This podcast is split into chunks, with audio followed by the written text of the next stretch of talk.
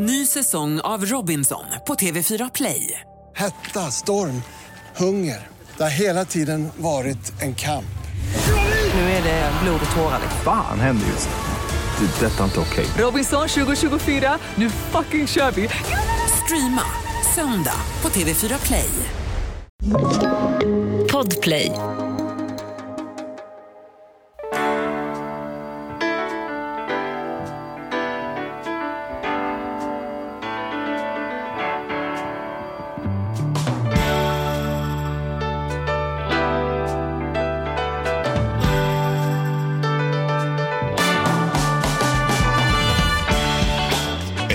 Hjärtligt välkomna till Charlie. Ekonomi på riktigt heter det. Och Ja. till Charlie som sitter hemma. Tack så mycket. Och har covid. Ja, nej, men jag, jag har haft, men jag är tillbaka nu. Men jag tänkte att det var artigt eftersom vi har massa politiker med oss som ska ut eh, på eh, anställningsintervju nu som 17 så kändes det liksom vettigt att jag är artig nog och även om jag är, alltså, eftersom jag är så nyfrisk, eh, håll, jag tar lite extra noga så att jag inte smittar ner dem och påverkar hela valrörelsen. Mm. Ja, men det är bra. Och, vi, precis. och jag är också glad för det. Även om inte jag kommer påverka valrörelsen. Men Nej. jag är glad ändå. Nej. Nej. Men min plan Ja. är fortfarande att jag ska komma hem till dig och ta en bira på torsdag. Så att, jag menar, då, då, ska vi, jag, jag, då har jag varit Ja, men då har vi tre dagar på oss. fri och, och alltihopa i flera dagar och inga symptom och, och um, prover och grejer. Så, att, eh, så, så det är bra med mig. Hur är det med dig? Ja. Ja, men det är jättebra. Det är ju Mm. skönt att vi är igång igen. Vi har ju haft faktiskt en, några repriser som har gått här nu under sommaren för Mm. eh, lite sån här på lyssnarnas begäran. Men nu är det ju skönt att vi är igång igen. Och då hade jag längtat efter att få se dig som sagt. Men, men det får Mm. Ja. jag göra om tre dagar. så det är lugnt. Ja. Mm, är Men du, jag har, en, jag, har en, jag har en väldigt pigg och eh, trevlig gäst. Vi har ju hunnit prata, vi hade lite teknikstrul här, inte på grund av din corona utan ändå. Så att, Mm. eh, det kom in en väldigt pigg och ärtig kar i sina bästa år med cykelbyxor och eh, ja, men så här, riktigt, riktigt eh, sommarfräsch. Men du, vänta, nu gick det Eh. lite fort. Får man säga att en kar är ärtig? Ja, det Ärtig? tycker jag. Jag vet Okej. inte. Ja, men jag tycker det. Ja, men jag tycker Ja. ja. men ärt, ja, Det är men, nya tider nu Charlie. Exakt så. Ja. Nej, men så här, nu, nu, nu kör jag, nu presenterar vi istället. Vi Ja, har alltså, Mm. Det vi ska göra är att vi kommer att träffa de ekonomiska tales, talesmännen, kvinnor från respektive Ärtorna. parti. Mm. Ärtorna, ja men det är kanske är därför vi kan, ja precis, ärtorna. För samtliga partier, för att vi ska ge er lyssnare en så bra grund som möjligt inför det kommande eh, valet som ju stundar alldeles snart. Så att så där är det, då är det först ut helt enkelt. Så har vi då från Kristdemokraterna Jakob Forssmed. En varm applåd!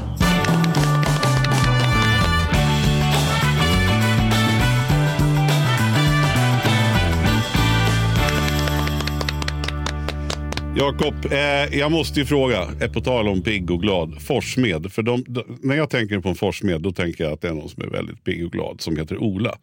Kan det möjligen vara så att ni är släkt? Ja, det kan det vara. Det är så? Ja, så är det. Det är så? Vi är sysslingar med varandra. Våra föräldrar, våra föräldrar är kusiner. Ja, du ser, det var inte så konstigt att jag tyckte det. Aha. Aha. Ola har jag skrattat åt i så många sammanhang, i så många eh, teatrar och så mycket så. Ja, kul. Men vänta, nu måste jag... Vem, vem, är, vem, vem är Ola Forssmed nu? Är han skådespelare? Är det så eller? Borde jag känna igen det? Ja, men det vet väl vem Ola Forssmed är. Det är han som Jag kan, han, han, han kan vända sig ut och in och gå baklänges uppåt och är en av Sveriges främsta musikalstjärnor kan man säga. Jaha. Han får inte upp något ansikte. Ja, det var okej. märkligt. spännande. Du kan bara Hasse och Tage du. Som, ja, just gubb. det. Precis. Ja. Var han med i Bäst i test för några säsonger sedan? Kan det ha varit så? Ja, det var han. Ja, då, Ja, då men får jag upp just det. vem det är. Ja, men då, honom har jag sett i föreställningar till och med. Han är ju till och med bra. Ja. ja, han är till och med riktigt, riktigt bra. Ja. Mm, mm. Nej, men så här då, så, så vi, vi, har ju så här, vi tänker att vi går rakt på sak här nu. Då. Det som är grejen då, förutsättningen för dig Jakob, kommer att vara sa, samma förutsättningar för samtliga.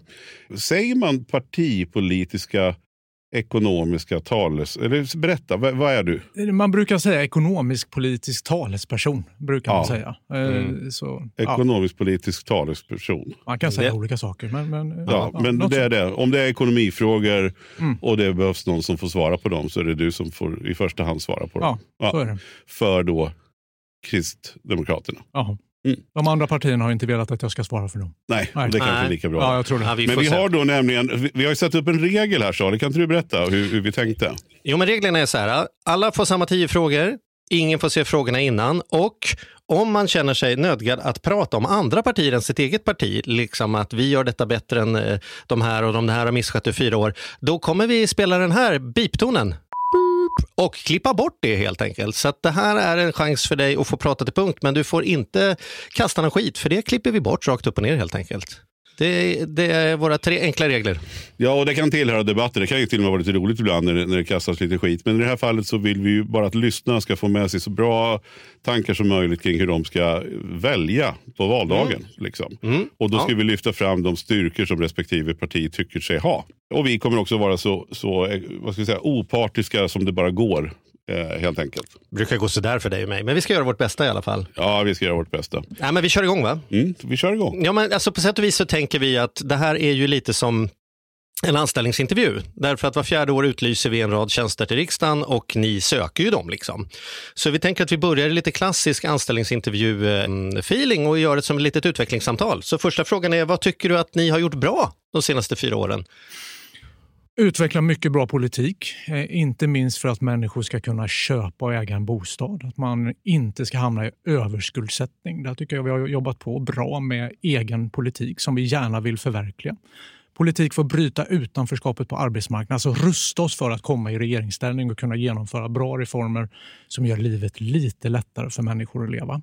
Sen har vi försökt hjälpa till också i, eh, i krishanteringen att vara konstruktiva, att eh, se till att vi kan klara jobb och företag och, eh, och så under, under krisen också. Där har vi försökt att liksom arbeta tillsammans med regeringen också för att göra det bästa möjliga för Sverige. Och när du säger krisen så menar du pandemi, Ja, Mm. precis. problematiken med pandemin som uppstod. Exakt. Eh, Då gäller det att ta vara på liksom, kriserfarenheter från många när man, ett land drabbas av en sån kraftig liksom, chock på så kort tid. Eh, och, och En del av oss som var med och hanterade och, och jobbade med finanskrisen har ju då kunnat bidra med, med en, del, en del saker och, och vi har kunnat jobba tillsammans. Mm. Men tycker du att man kan säga att det gick bra? Därför att ja, man kan väl säga på sätt och vis att hur vi hanterade den krisen verkar ju då, då, nu ska inte jag överdriva, men som att det har smugit in oss i en annan kris med skenande eh, inflation och, och räntor och sådana saker som ju kanske lite en baksmälla på att man tog i lite väl med, med eh, hitta på pengar och stödpaket under eh, coronakrisen. Tycker du att jag är orättvis om jag säger så, eller? Ja, jag tycker du är lite orättvis därför att när man drabbas av en sån där chock så är det lite svårt att veta också vart den tar vägen. Och erfarenheter historiskt är ofta att man har gjort för lite i de där eh, akutlägena. Så att jag tycker nog att det var bra att man gjorde ett stort antal saker för att rädda jobb och företag. Inte minst permitteringssystemet har ju varit bra. Att människor istället för att skickas ut i arbetslöshet faktiskt kan haka kvar i sina anställningar. Det gör ju att återgången till ekonomin eh, ekonomins funktionssätt underlättas. Det är mycket svårare att, liksom, för människor att hitta tillbaka till, till, till jobb om de har blivit av med dem. Um, och där ligger min... min eh, om man, ja, eh, jag tycker vi borde gjort mer för personer som var tillfälligt anställda också. De omfattades tyvärr inte av permitteringsreglerna utan företag blev tvungna att säga upp tillfälligt anställda under pandemin.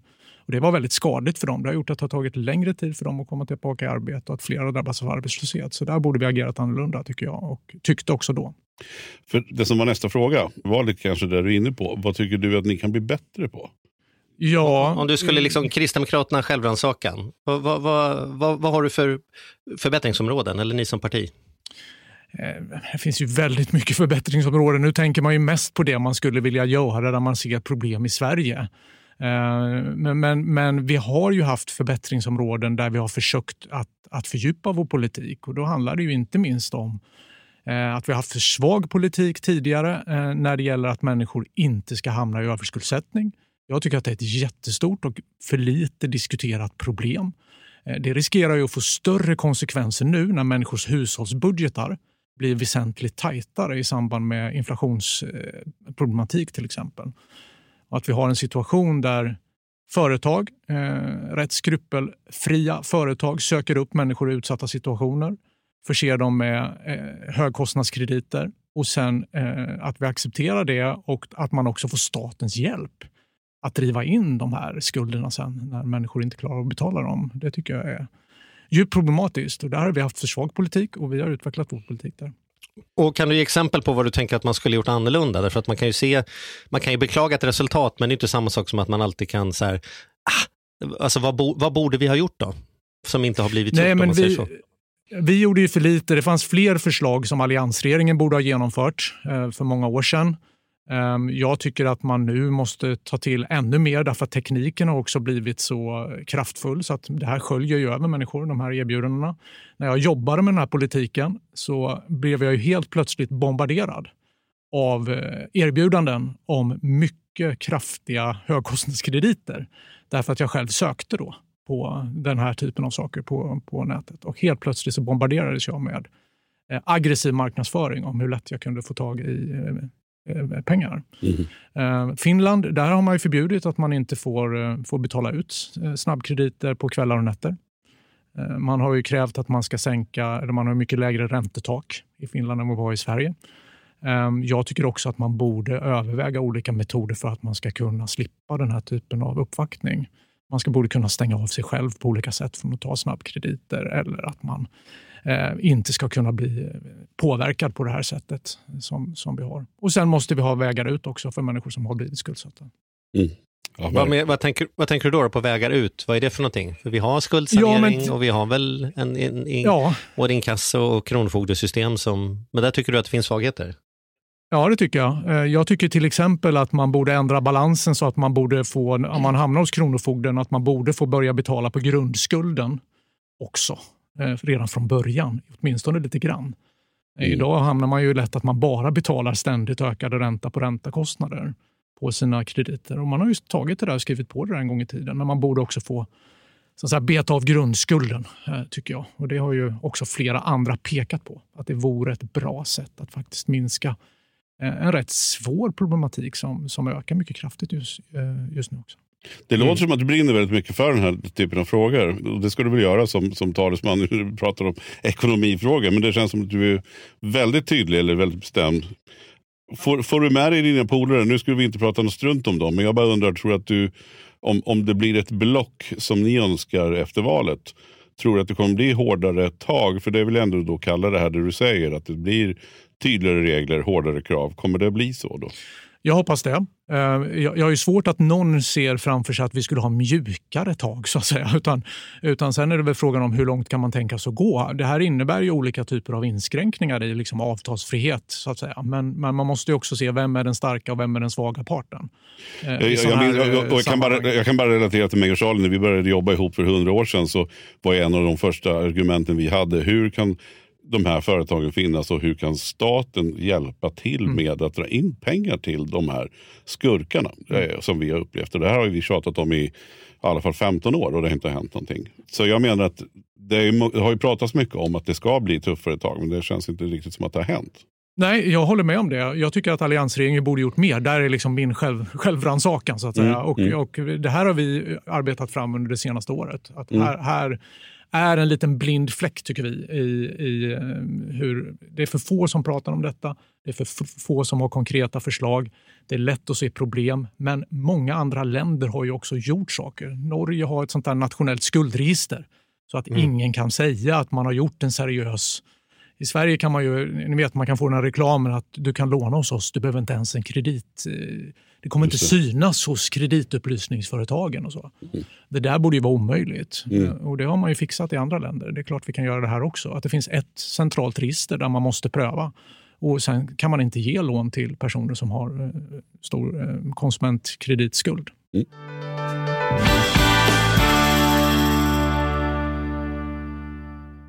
Den här podden gör vi även den här veckan i samarbete med SaveLend. Fan vad kul det är att ha dem med ombord. Mm. Jätte, jätteroligt. Ja, vi brukar prata om att man har något band som man såg jag stod Bo Kaspers jädrigt tidigt liksom, innan man gjort tv-debut. Och du har något hårdrocksband som du var jävligt tidig på. Ja, alltså jag var på, på Lilla Teatern Göta Lejon och såg Metallica Ja. 1984. Så gammal är jag. Och jag var i kontakt med SaveLend när det fortfarande var typ tre, fyra personer där från början. När jag fick möjlighet att träffa dem.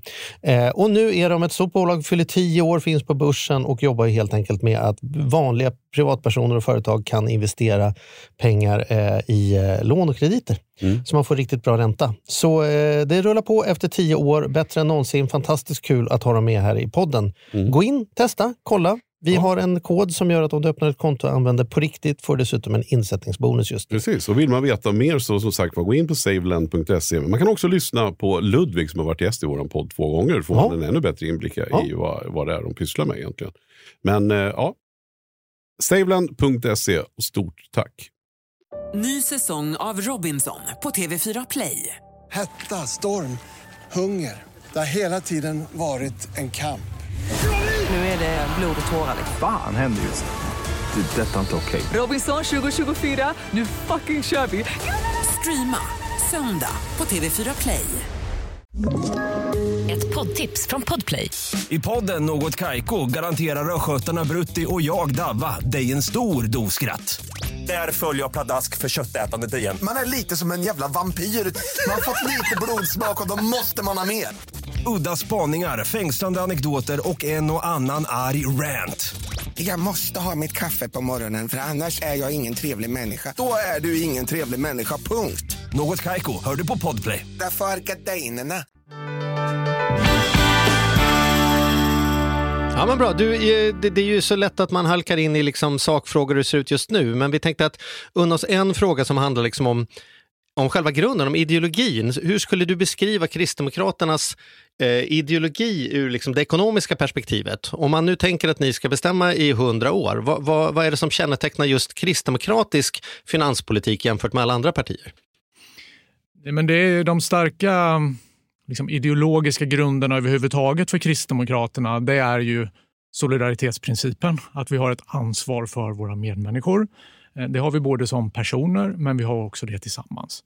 Eh, Man kan ju tänka på den, eh, om ni känner till historien om den barmhärtige samarien som mötte sin person från en annan folkgrupp som var slagen till vägkanten. Och så att säga, kände inte honom, men tog honom till ett värdshus och sa jag betalar för vården. Det var ju liksom den första sjukhus, solidarisk finansiering av sjukvård så att säga, som, som hände där. Eh, förvaltarskap är viktigt för oss. Eh, att ha ett långsiktigt perspektiv och förvalta våra tillgångar. Hederlighet, såna, alltså att det finns ekonomin måste fyllas med, med värden och socialt ansvarstagande. Hederlighet är ju typiskt sak som är väldigt viktigt för att göra affärer. Det blir mycket smidigare om någon ska tömma av ett ton grus hemma hos dig om du kan lita på att den verkligen tömmer ett ton grus. Att du slipper kontrollväga. Och liksom, ja, du, kan till, den behöver inte ens, behöver inte ens vara hemma när den eh, tömmer av det. Och så. Det underlättar för att göra affärer. Det blir bättre ekonomi, det blir bättre tillväxt om vi kan lita på varandra. Um, gemenskap är ett viktigt värde för oss också. Att man stöttar gemenskaper i samhället ekonomiskt. Se till att familjer kan liksom, eh, ja, leva, ha det bra, utvecklas, sträva efter att liksom skapa sig ett gott liv eh, och göra det för, för det uppväxande släktet. eh, Och så så att det är väl några saker som är liksom viktiga i vår ekonomiska politik. Och om man letar efter den där i, i praktiken, då, hur kan man, om det är, är ideologin, hur, kan man, hur har vi som land märkt detta? Kan du ge några exempel på hittills? Hur, hur har er ideologi liksom påverkat det samhället vi lever i ur ett ekonomiskt perspektiv? Ja, hela, hela västerlandet är ju relativt påverkat av liksom, eh, kristen idétradition. Eh, så. Eh, att förvalta det man har fått, så att säga, att göra det långsiktigt, det är ju typiskt sånt värde som kommer väldigt starkt ifrån liksom, kristen kultur. Eh, så så det är ju ett sätt som där det har slagit igenom ganska, ganska brett. Um, synen på, på ägande uh, och så, men inte minst det här förvaltandet, att ta ansvar för, uh, för sig själv, för sina tillgångar och försöka förmera det på olika sätt. Det, det är ju väldigt viktigt, men att göra det också i relation till sin omgivning. Uh, företag och, och människor är inte isolerade öar, utan vi behöver finnas i, vi finns i sammanhang där, där um, ja, vi ska göra gott för, för varandra. Mm. Mm. Vi har också vi har haft några experter eh, genom åren kan vi faktiskt säga nu i vår podd. Och vi bad några av dem, en kille som heter Jan Bolmesson som har en av Sveriges största ekonomipoddar. Vi bad honom skicka med en fråga. Och då lyder den, vill ni öka incitamentet för privatpersoners sparande? Och I så fall hur? Det vill vi göra eh, på lite olika sätt. Eh, dels vill vi förbättra det rätt populära investeringssparkontot så att fler typer av eh, finansiella instrument, som det så fint heter, blir, Mm. blir möjliga att spara i där. Att också småsparare kan vara med i alla typer av nyemissioner via ISK. Det kan man inte idag. Men den stora saken som vi vill göra det är att vi vill faktiskt införa ett eh, automatiskt bosparande eh, som är lite inspirerat av eh, det här med nudging och Nobelpriset för några år sedan. Mm. Vi vill subventionera bosparande, men problemet när man gör det är att det lätt blir så att man subventionerar de som ändå skulle ha sparat. Och Då har man ju inte så mycket vunnet av det där. Vi, vi tycker det är väldigt bra om fler som idag inte får tillgång till en ägd bostad kan börja äga. Mm. Vi ser ju att ojämlikheten i Sverige drivs ju väldigt mycket av skillnader i ägande snarare än i löneinkomster. Eh, Så då är det viktigt att man tidigt liksom kan, kan skapa möjligheter för fler. Och Då skulle vi vilja att så fort man börjar tjäna egna pengar, eh, även om de inkomsterna är små, så sätts det automatiskt av 500 kronor till ett bosparkonto där staten går in med en hundralapp de första fem åren. Ehm, och det gör det för alla. Lite som pensionsspar eh, så att säga. Men här Mm. får man en möjlighet att lämna då. Eh, Så ett litet semitvång skulle man kunna säga, men inte mer tvång än att man kan skicka ett sms till Skatteverket där det står stopp bospar. Och sen så, eh, så, um, så här, man kan ju informera om hur viktigt det här är.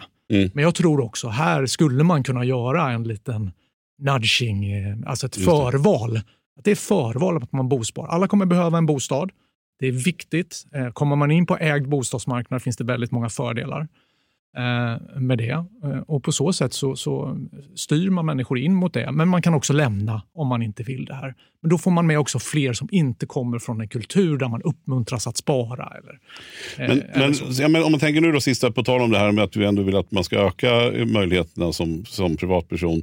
Eh, hittills har det ju varit ganska lätt, alltså, i, i nutid, eller nu-historien, om vi tittar sen, sen efter 90-talet egentligen, så, så stötte ju i alla fall jag på med många av mina klienter så här, att det är ju bara att du, sätta in pengar, spelar ingen roll vilken fond man sätter in i, det bara ökar och ökar och ökar. Ökar.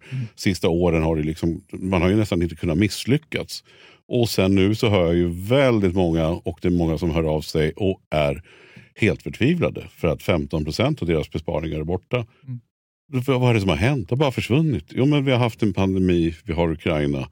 Men du tycker ändå att man ska få en, en större, ett, ett, att kunna fortsätta med ISK och det här? Eller finns det någon risk om man släpper det för fritt? Det har ju gått så bra nu. liksom.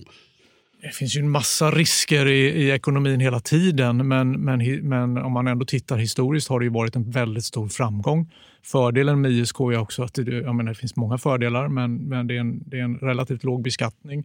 Eh, Du ser också hela tiden vilka tillgångar du har, eh, till skillnad från om man blir reavinstbeskattad och inte riktigt kan se hur, hur, stor tillgången är. Och, och så. Det kan man ju räkna sig fram till. och så. Mm. Så att jag, jag tycker att ISK fungerar väl. Ehm, och, och, så, så att jag ser inte några starka skäl till varför man skulle ändra detta. Eh, Folk kommer ju vilja spara och investera och det är ju grunden bra. Och gör man det långsiktigt över lång tid och med rimlig sparhorisont och så, så, så ser jag inte riktigt att det är problemet. Sen finns ju de här psykologiska effekterna som du pekar på. Känslan av att man blir väldigt mycket fattigare Mm. när börsen går ner eller när ens hus minskar i värde. Mm. Eh, och så. Eh, det- har vi inte upplevt så mycket de Nej, man har, senaste det, åren. det jag menar lite grann. Man har ju Och inte det kan, upplevt ju det. nu, det kan ju nu skapa en del stora problem. Både att man upplever att man blir fattigare och att saker och ting blir dyrare. Mm. Och så lägger man om sitt ekonomiska beteende på ett sätt som skapar andra ekonomiska problem. Så att, så att vi står ju inför många utmaningar kommande år här som, som, eh,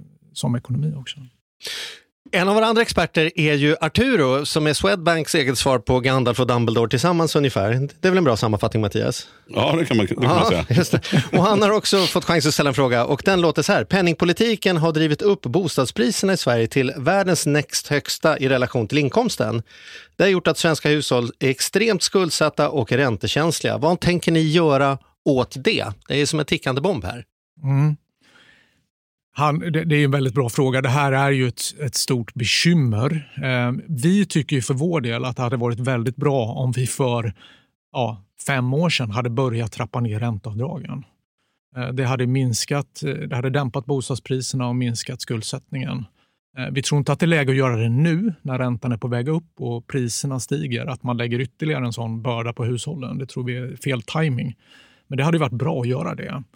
Ehm, vi behöver göra ett antal åtgärder här. Ehm, vi behöver se till att kommunerna drivs på att faktiskt sätta av mark. Markpriserna driver ju idag upp bostadspriserna. Vi har nästan ingen småhusproduktion i Sverige, eller vi har väldigt låg i relation till det stora utbudet av bostäder.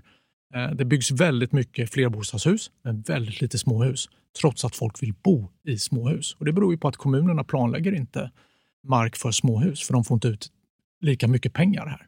Så då har vi sagt att då ska vi sätta ett krav på kommunerna att planera för fler småhus. Och vi ska dessutom ge dem stöd för att faktiskt ha resurser för att planera fram fler tomter. Eh, Det här är ju jätteviktigt för familjer också, att man ska kunna ha en möjlighet att faktiskt köpa en, en villa, även om man har lite lägre men stabila inkomster. Det finns ett förslag om startlån nu för förstagångsköpare. tycker jag är bra. Eh, Det är svårt med kontantinsatsen. Men är det inte risk då? För du pratar väldigt mycket bostad. Du tycker Mm. att man ska ha det här som du säger, en nudging, alltså att man ska få hjälp med bostad. Driver vi inte just bostäderna?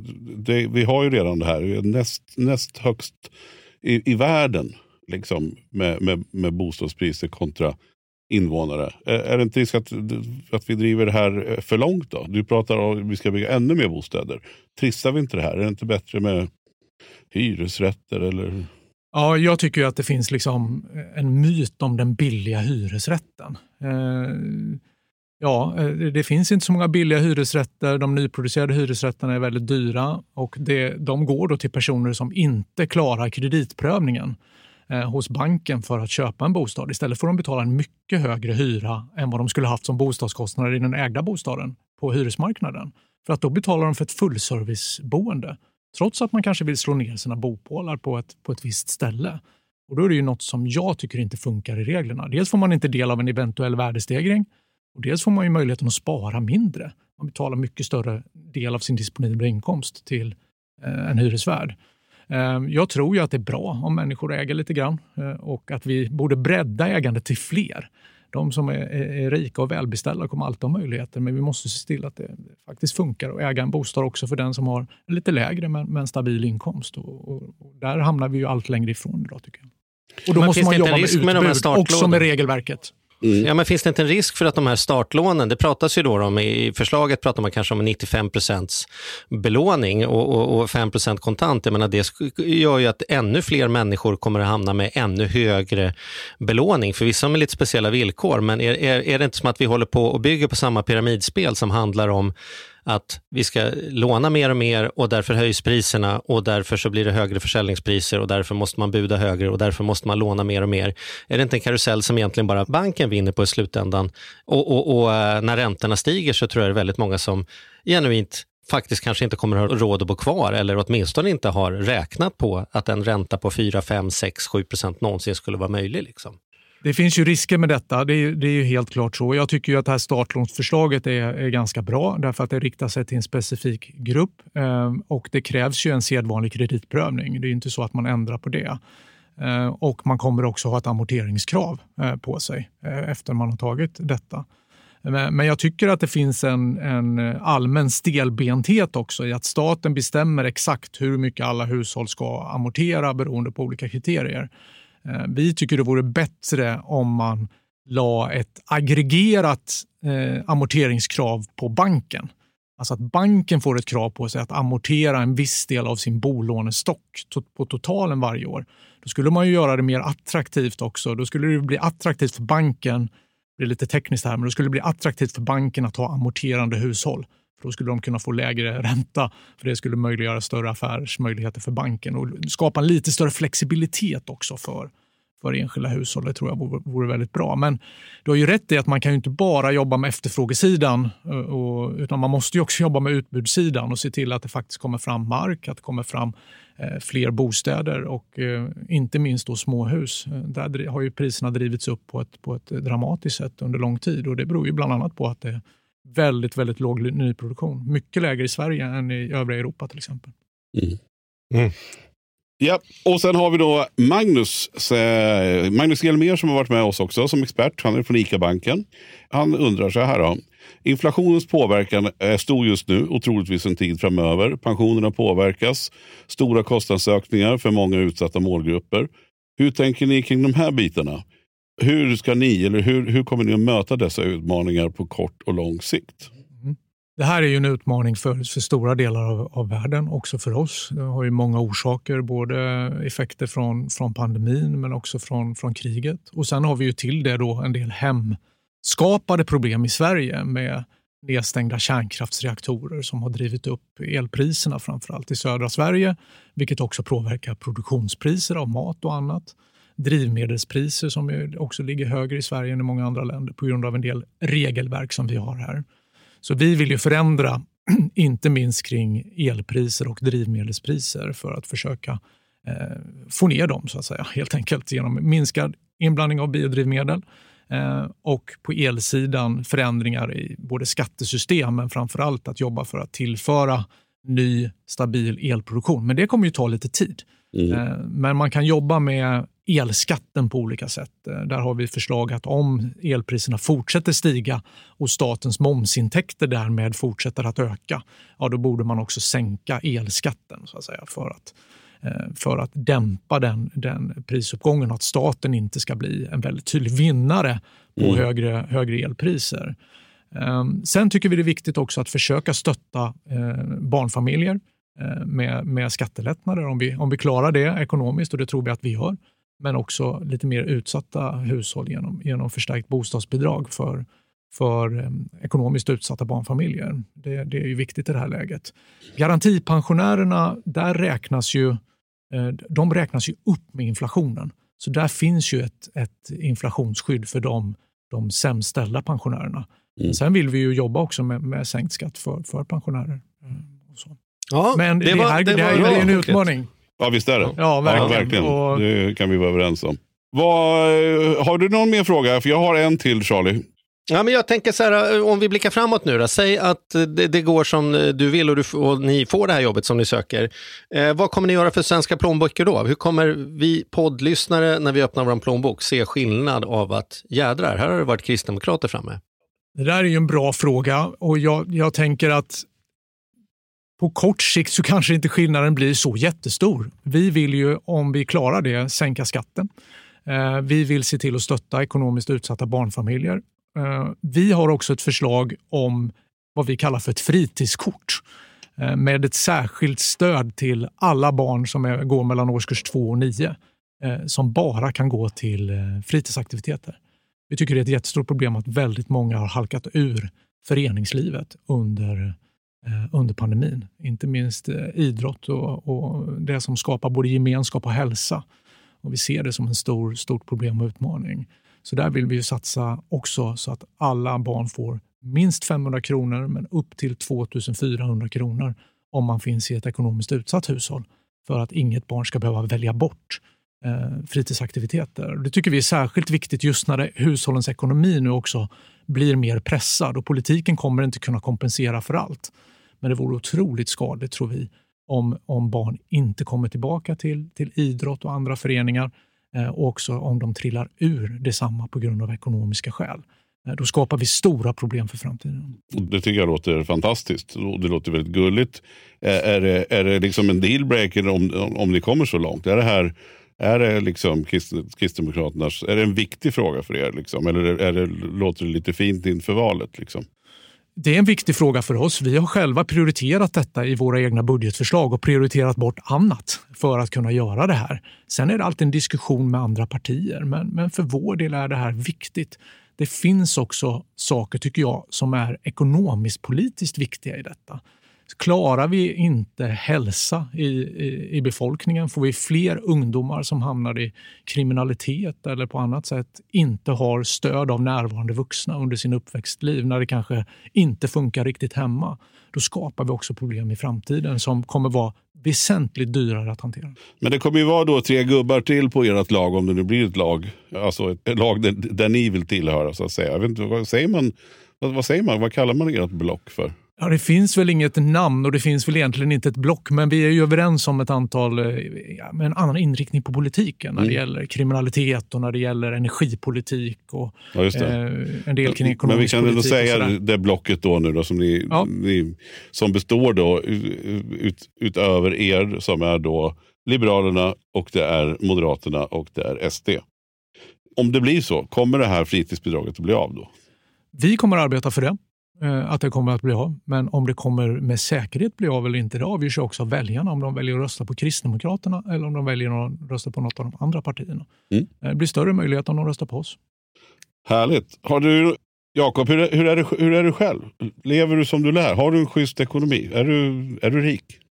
Om man jämför med, med de flesta i Sverige så är jag välbeställd. Eh, Så är det. Jag, jag bor i villa tillsammans med min familj och vi har, jag, har en, jag har en god inkomst. Är det på grund av att du har tjänat bra som, eh, inom politiken eller är du, har ni hållit igen på, på liksom, vad är dina små familjetipsen då? Säger du, är det, håller ni igen få bilar, semestrar, lyxvaror?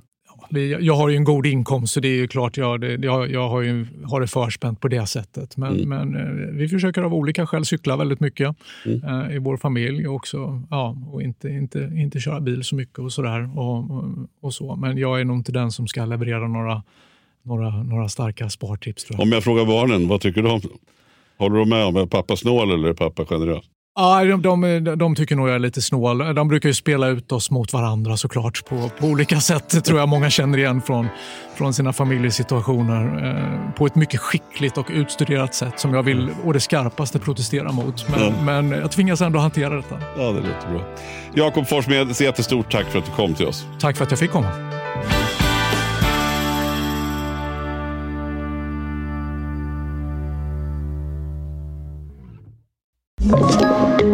Podplay. Ny säsong av Robinson på TV4 Play. Hetta, storm, hunger. Det har hela tiden varit en kamp. Nu är det blod och tårar. Fan händer just nu. Det. är Detta är inte okej. Robinson 2024, nu fucking kör vi! Streama söndag på TV4 Play.